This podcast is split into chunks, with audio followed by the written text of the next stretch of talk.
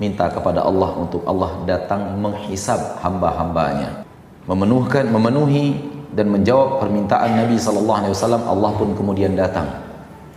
Wa jaa rabbuka wal malaku saffan saffa datang Rabbmu pada hari kiamat kelak di yaumil mahsyar dan malaikat dalam keadaan berbaris-baris. Berkata Imam Ibnu Katsir di dalam tafsir beliau bahwa datang malaikat-malaikat langit pertama lalu bersusun menyusun saf-saf yang rapi Datang malaikat-malaikat langit kedua menyusun saf-saf yang rapi. Datang malaikat-malaikat langit ketiga menyusun saf-saf yang rapi.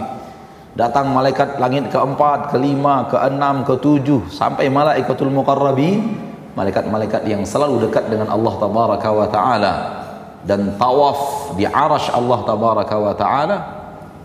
Malaikat itu telah bersusun membuat saf-saf yang rapi. Baru ketika itu datanglah Allah yang maha pengasih lagi maha penyayang. Untuk menghisap kita saya dan anda ada di sana ketika itu. Menyaksikan semua itu terjadi. Di yaumil mahsyar di hari akhirat yang kita harus perhitungkan detik demi detik hidup kita di permukaan bumi ini untuk akhirat tersebut kita harus ekstra hati-hati mengucapkan kata demi kata semua itu untuk perhitungan padang mahsyar. Karena kitab yang akan kita terima di padang mahsyar di alam akhirat tidak menyisakan sedikit pun kebaikan kecuali ditulis dan tidak menyisakan sedikit pun keburukan kecuali ditulis. Hari demi harimu engkau menulis biografimu sendiri dengan amalanmu hai bani Adam. Maka tulislah biografi yang indah dengan ketaatan kepada Allah agar di akhirat kelak ketika engkau membaca biografimu itu engkau tidak ketakutan akan apa yang ada di dalamnya Allah berfirman dalam Al-Quran surah Al-Kahfi wa wudi'al kitab dibentangkan kitab fataral mujrimina mushfiqina mimma fih. Kau akan menyaksikan orang-orang yang rajin berbuat maksiat. Ketakutan akan apa yang ada di dalam kitabnya sendiri. Di dalam catatan biografi kehidupannya sendiri. Kenapa dia ketakutan? Karena dia telah membuat biografi yang buruk. Sehingga catatan-catatannya buruk bukan salah malaikat yang mencatat tapi salah anda yang telah berbuat. Dan apa yang anda buat itulah yang dicatat oleh malaikat.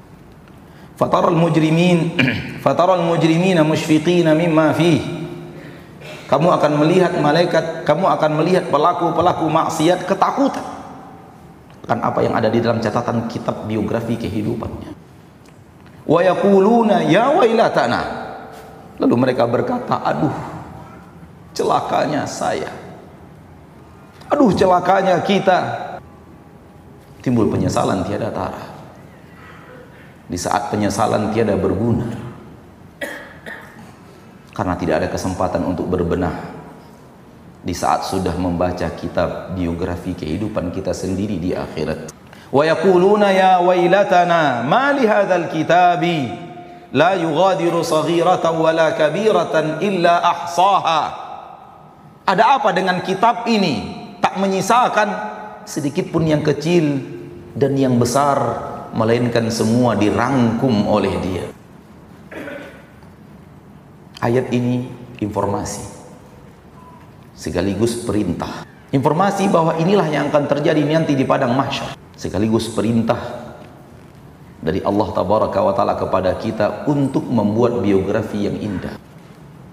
Sekaligus larangan agar kita tidak membuat biografi yang buruk untuk diri kita sendiri yang kelak kita akan baca sendiri dan ketakutan akan apa yang ada di dalamnya. Kenapa? Dia merangkum seluruh maksiat kita. Mulai maksiat lisan dari yang pernah kita lakukan A sampai Z. Masuk maksiat mata. Yang pernah kita lakukan dari A sampai Z. Masuk maksiat telinga yang pernah kita lakukan dari A sampai Z. Maksud maksiat masuk maksiat hidung. Yang pernah kita lakukan dengan maksiat hidung dari A sampai Z. Masuk maksiat tangan dari A sampai Z, maksiat kaki dari A sampai Z, maksiat kulit dari A sampai Z dan maksiat hati dari A sampai Z. Semua itu tertulis rapi di catatan malaikat yang sangat rapi. Allah kemudian berkata, "Iqra kitabak." Baca kitabmu, baca catatan hidupmu wahai manusia. Kafa bi nafsikal yawma 'alaika hasiba. Cukup engkau menghisap amalanmu sendiri dan catatanmu sendiri, biografimu sendiri. Kira-kira banyak yang saleh apa yang taleh? Kira-kira banyak hasanat ataukah sayyiat? Ma'asyarul muslimin Ma'asyarul muslimat Hari itu akan tiba. Dan dia tidak akan lama lagi. Karena Allah telah mengatakan akhirat itu sudah sangat dekat. Jangan antum kira akhirat itu masih terlalu jauh. Akhirat itu sudah sangat dekat. Kiamat itu sudah sangat dekat. Hanya syaitan dan tipu muslihatnya. Hanya iblis dan bala tentaranya yang membisikkan kepada Anda, akhirat masih lama, santai saja. Akhirat masih jauh, enjoy saja. Ketika Anda mengira akhirat masih jauh, Anda bertabrakan 180 derajat dengan kitabullah ya azza wa yang mengatakan akhirat sudah sangat dekat. Allah berfirman di dalam Al-Qur'an surat Al-Ma'arij innahum yarawnahu ba'ida mereka mengira kiamat itu masih lama masih jauh. Wa narahu qariba kami memandang akhirat itu sudah sangat dekat. Berarti kalau anda mengatakannya jauh anda bertabrakan dengan Al-Quran kalam ilahi. Dan anda bertabrakan dengan Rasul anda sendiri Muhammad bin Abdullah salawatu rabbi wa salamuhu alaih. Karena Rasul Anda mengatakan bu'istu ana wasa'atu kahatain. Aku diutus oleh Allah dan terjadinya hari kiamat bagaikan dua jari ini. Dan sudah berlalu 1400 tahun lebih. Bagaimana mungkin ada orang muslim yang membaca Al-Quran dan mentadabbur Al-Quran? Ada muslimah yang membaca hadis Rasulullah dan mentadaburi hadis Rasulullah mengatakan akhirat masih jauh. Kata Nabi bagaikan dua jari ini. Diutusnya Rasul dan hari kiamat bagaikan dua jari ini.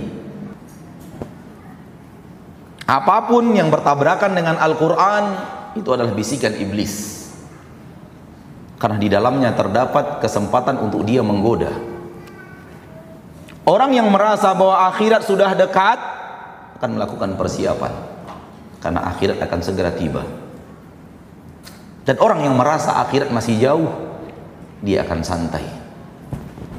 Andai santainya hanya untuk dunia yang sifatnya mubah, itu sudah cukup baginya untuk rugi. Apatah lagi santainya itu membuat dia enjoy di atas maksiat. Dan tak ada keinginan untuk bertaubat menyesali dosa dan kesalahan, berbenah diri, berbenah hati, memohon keridhaan ilahi dan ampunannya, bersiap-siap untuk menghadap kematian. Ya akhi bagaimana mungkin antum mengatakan akhirat masih jauh, antum umat episode terakhir dan sudah berjalan 1400 tahun umat episode yang terakhir. Tak ada lagi umat setelah umat Nabi Muhammad sallallahu alaihi wasallam sebagaimana tidak ada lagi nabi dan rasul setelah Nabi Muhammad sallallahu alaihi wasallam segala sesuatu yang dia merupakan episode yang terakhir sangat dekat dengan masa akhirnya. Maka lakukanlah persiapan. Persiapan untuk menghadapi akhirat dan jangan sekali-kali syaitan berhasil memberikan bisikan busuknya ke dalam hatimu. Bahwa akhirat itu masih lama, masih jauh, santai saja. Nanti bisa kita selesaikan di ujung. Apakah antum akan sampai ke ujung itu? Nanti kita taubat kalau sudah pensiun, yakinkah antum bisa mencapai usia pensiun? Nanti kalau sudah tua kita ke masjid, apa antum yakin bisa tua? Siapa yang meyakinkan antum bahwa antum akan mencapai usia tua?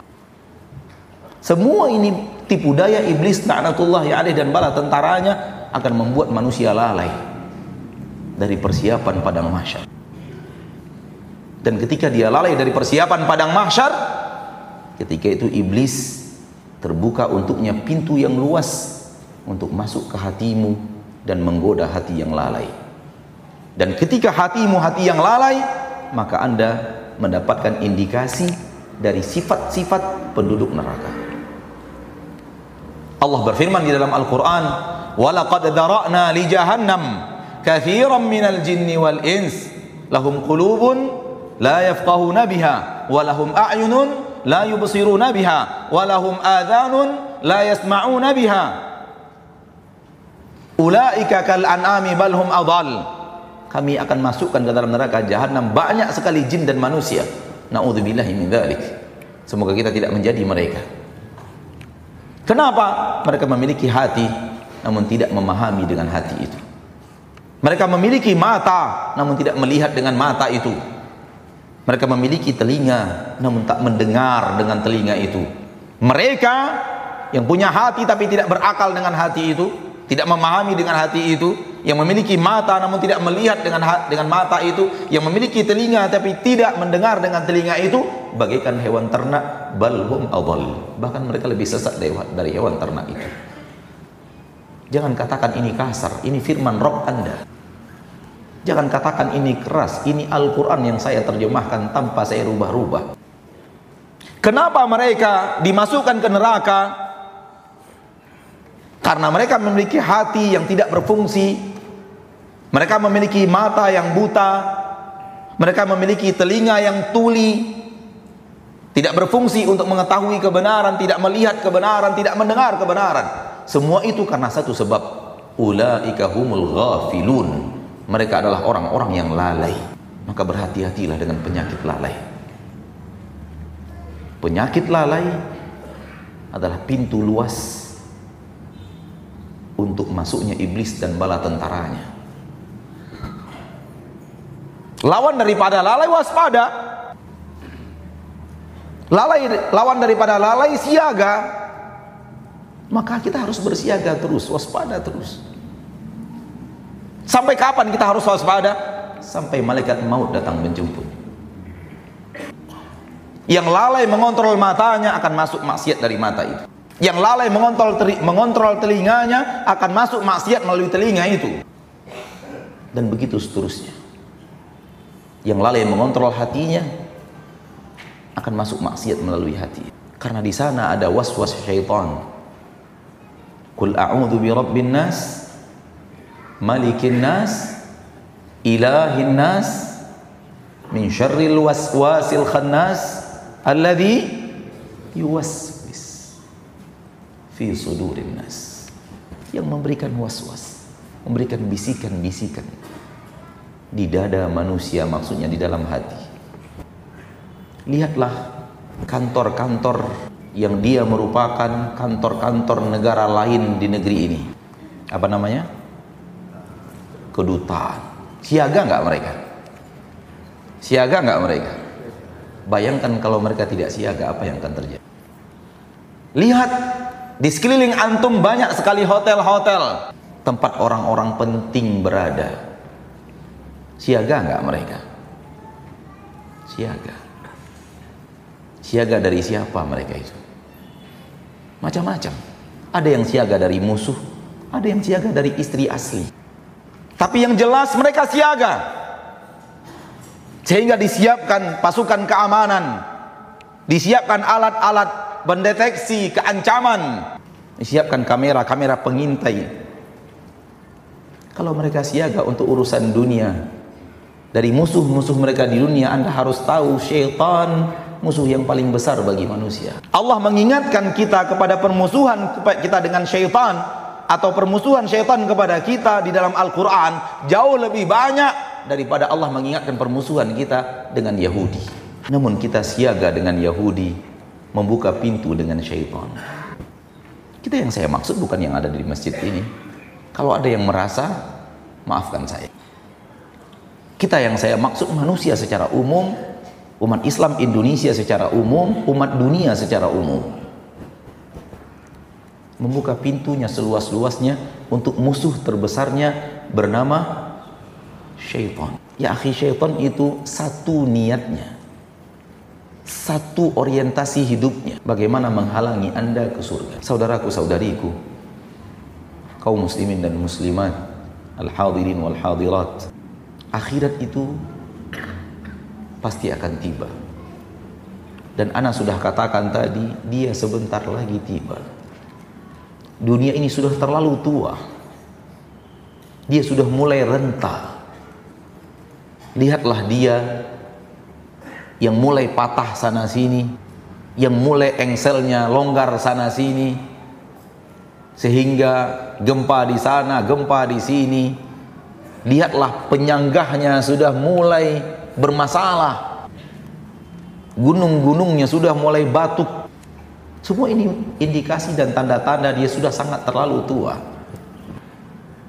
Tidakkah ini memberikan kepada Anda i'tibar memberikan kepada anda pelajaran untuk bersiap saudara-saudariku orang yang merasa akhirat masih lama dia akan disibukkan oleh kehidupan dunia dan orang yang disibukkan oleh kehidupan dunia tak akan sibuk untuk mengejar akhirat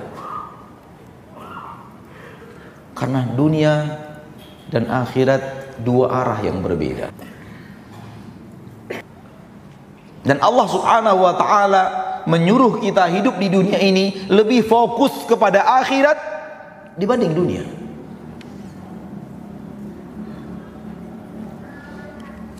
Allah tidak menyuruh kita melupakan dunia, mencampakkan dunia, tak peduli kepada dunia. Allah tidak suruh itu. Allah masih suruh kita untuk peduli kepada dunia kita. Namun yang Allah suruh adalah kita harus lebih peduli kepada akhirat dibanding dibanding dunia. Orang yang mengatakan antara dunia dan akhirat kita harus fokusnya 50-50 dusta. Bohong. Tak ada satu ayat pun di dalam Al-Quran yang menyuruh kita untuk fokusnya dunia akhirat 50-50. Yang ada firman Allah di dalam Ad-Duha, surat Ad-Duha ayat 4, "Walal akhiratu khairul laka minat ula. Akhirat itu lebih baik untukmu wahai manusia daripada dunia yang datangnya di ula pertama. Al-ula yang pertama, al-akhirat yang terakhir. Dunia disebut ula karena dia yang pertama, akhirat disebut akhir karena dia yang terakhir. Allah katakan walal akhiratu khairul laka minal ula. Akhirat lebih baik daripada dunia. Ketika Allah mengatakan lebih baik, kenapa antum mengatakan sama dengan dunia? Kemudian di dalam surat Al-A'la, Sabbihisma rabbikal a'la juga hal yang sama Allah katakan. Bal tu'thiruna al-hayata dunya wal akhiratu khairu wa abqa. Tapi kalian lebih mengedepankan kehidupan dunia dan akhirat itu lebih baik dan lebih kekal. Kalau tidak salah ayat ini sering dibaca oleh imam kita yang memimpin salat kita. Walal akhiratu wal akhiratu khairum wa abqa. Akhirat lebih baik, akhirat lebih kekal. Sayangnya kita tidak memahaminya dengan baik. Kita tidak mentadabburinya dengan sempurna. Tentang dunia dan akhirat perbandingannya tak bisa dibanding-bandingkan. Nabi Shallallahu Alaihi Wasallam mengatakan perbandingan dunia dan akhirat bagaikan salah seorang di antara kalian mencelupkan satu jarinya ke dalam air laut lalu dia lihat berapa yang bisa dibawa dengan satu jarinya dari air laut. Itulah dia dunia sisa air laut adalah akhirat. Bagaimana menjadikannya 50-50 katakan kepada aku. Bagaimana menjadikannya 50-50 Dunia kata Nabi SAW air yang kita ambil dengan satu jari dari air laut. Akhirat sisa daripada air laut itu. Tolong terangkan kepada saya bagaimana menjadikannya 50-50. Di dalam Al-Quran, surat Al-Qasas, Allah Tabaraka wa Ta'ala berfirman ayat yang ke-77. Allah Tabaraka wa Ta'ala berfirman, "Wabtaghi fima ataka Allahu daral akhirah wa la tansa nasibaka minad dunya." Raih dan kejarlah kampung akhirat dan jangan lupakan jatahmu di dunia. Antara perintah raih dan kejar dan jangan lupakan bukan perintah yang sama sehingga bisa dikatakan 50-50. Yang satu perintahnya raih dan kejar, yang satu perintahnya jangan lupakan. Yang raih dan kejar itu adalah akhirat. Yang jangan lupakan adalah dunia. Kalau kita melihat pola kehidupan banyak umat Islam di dunia sekarang ini, terkhusus di Indonesia sekarang ini, terkhusus di Jakarta sekarang ini terbalik. Mereka mengejar dunia, mengejar dunia, mengejar dunia, akhirat jangan lupa. 180 derajat terbalik antara perintah Allah dengan apa yang mereka lakukan. Sehingga ketika telepon anaknya di Bandung yang lagi kuliah, orang tua mengatakan, "Nak, ayah dan ibumu sudah capek mencari dana di sini. Kamu harus kuliah dengan baik. Kamu harus serius kuliah. Kamu harus mendapatkan hasil yang maksimal. Belajarlah dengan baik, kuliahlah dengan baik. Hati-hati Jangan sampai teman-temanmu melalaikanmu dari bangku kuliahmu. Jangan sering absen, jangan sering bolos. Kerjakan tugas dengan baik, Nak. Jangan sampai jerih payah ibu di sini sudah begitu banyak kemudian hasilnya sia-sia. Setelah panjang lebar dia nasihati anaknya soal kuliah, terakhir dia katakan, "Nak, jangan lupa sholat ya." Kenapa sholat hanya sekedar jangan lupa? Kenapa sholat hanya sekedar jangan lupa? Karena memang itulah hati kita terhadap dunia dan akhirat.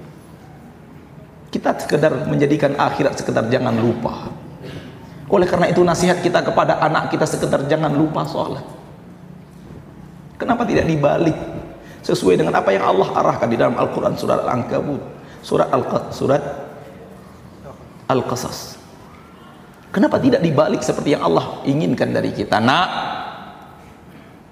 kamu kuliah di Bandung harus sholat lima waktu di masjid. Ayah tidak akan rela kalau kamu sholatnya di rumah kecuali kalau kamu sakit. Sekali seminggu motor itu yang Allah beli, yang ayah belikan itu harus diparkirkan di kajian. Jangan lupa sekali sehari engkau harus membaca Al-Quran satu halaman satu hari. Pilih sahabat-sahabatmu yang saleh. Cari ustadz untuk bertanya ilmu agama. Bila perlu hafalkan Al-Quran selama kamu kuliah di waktu senggangmu. Setelah banyak menasihati agama, lalu kita katakan, nah jangan lupa pulang membawa nilai yang komplot. Kenapa tidak kita balik? Kenapa akhir kita letakkan di belakang? Karena memang hati kita lebih banyak ke dunia. Sebagaimana yang Allah katakan di dalam Al-Quran surah Al-Ala, bal tu'thirunal hayatat dunya kalian lebih mengedepankan kehidupan dunia Allah berbicara dan Allah tahu isi hati manusia dan Allah menurunkan ayat-ayatnya untuk nasihat kepada kita yang hidup di permukaan bumi. Kalian lebih mengedepankan kehidupan dunia wal akhiratu khairu wa abqa. Padahal akhirat itu jauh lebih baik. Padahal akhirat itu jauh lebih kekal. Sehebat apa pun Anda mengumpulkan kekayaan dunia, kalau itu akan mengantarkan kepada neraka di akhirat, Anda adalah orang yang sangat merugi. Dan contohnya adalah Korun serta Fir'aun. Dan sehebat apa pun Anda mendapatkan deraan musibah, sehebat apa pun Anda merasakan penderitaan di dunia, kalau itu untuk terbukanya pintu surga, itu adalah kemuliaan tiada tara sebagaimana yang dialami oleh Bilal bin Rabah sebagaimana yang dialami oleh Ammar bin Yasir dan ayahnya Yasir dan ibunya Sumayyah. Penderitaan tiada tara yang mereka rasakan. Sampai-sampai Sumayyah tewas atau syahid di bawah penganiayaan Abu Jahal. Dan syahid setelahnya suaminya Yasir. Tinggal anaknya Ammar yang tidak tahan akan azab yang disiapkan oleh si fasik, si kafir Abu Jahal. Dan akhirnya terpaksa dia mengucapkan kata-kata mencela Nabi Muhammad sallallahu alaihi wasallam karena tak tahan lagi penderitaan dunia. Ketika dia mengucapkan celaan, Abu Jahal memenuhi janjinya, kalau kamu mencela Muhammad, aku bebaskan engkau dari azab ini. Dan ketika itu Ammar dilepaskan oleh Abu Jahal dan Ammar sambil menangis mencari Rasul kita Muhammad sallallahu alaihi wasallam. Karena lisannya telah mencaci Nabi Muhammad namun hatinya tidak pernah bisa mencaci Nabi Muhammad sallallahu alaihi wasallam. Dia merasa berdosa besar mereka telah merasa telah terlalu jauh dari agama Allah dengan satu kata setelah azab berhari-hari berminggu-minggu yang dia rasakan. Dan dia bersabar di atas azab itu. Setelah ayahnya wafat setelah ibunya tiada baru dia bisa mengeluarkan kata agar dia selamat. Tapi itu tetap merasa bahwa dia telah hancur dan hancur. Karena telah mencela Nabi Muhammad sallallahu alaihi wasallam. Dia lari berlari mencari Nabi Muhammad sallallahu alaihi wasallam untuk minta maaf. Separah apa pun derita yang kau rasakan dalam kehidupanmu di dunia, kalau engkau berhasil mengolah penderitaan itu mendapatkan ridho Allah dengan kesabaranmu tingkat tinggi, engkau adalah orang yang beruntung mendapatkan musibah dan sehebat apa pun engkau berhasil menumpukan kekayaan dan kemewahan dunia namun kekayaan dan kemewahan dunia itu yang telah membuatmu jauh dari agama Allah dan melanggar aturan-aturan Allah engkau orang yang diambang kehancuran insyaallah kita lanjutkan setelah kita melaksanakan sholat insya berjamaah ada sedikit waktu untuk bisa berwudu dan yang lainnya. Sallallahu wasallam wa baraka wa an'am ala abdihi wa rasulihi Muhammad.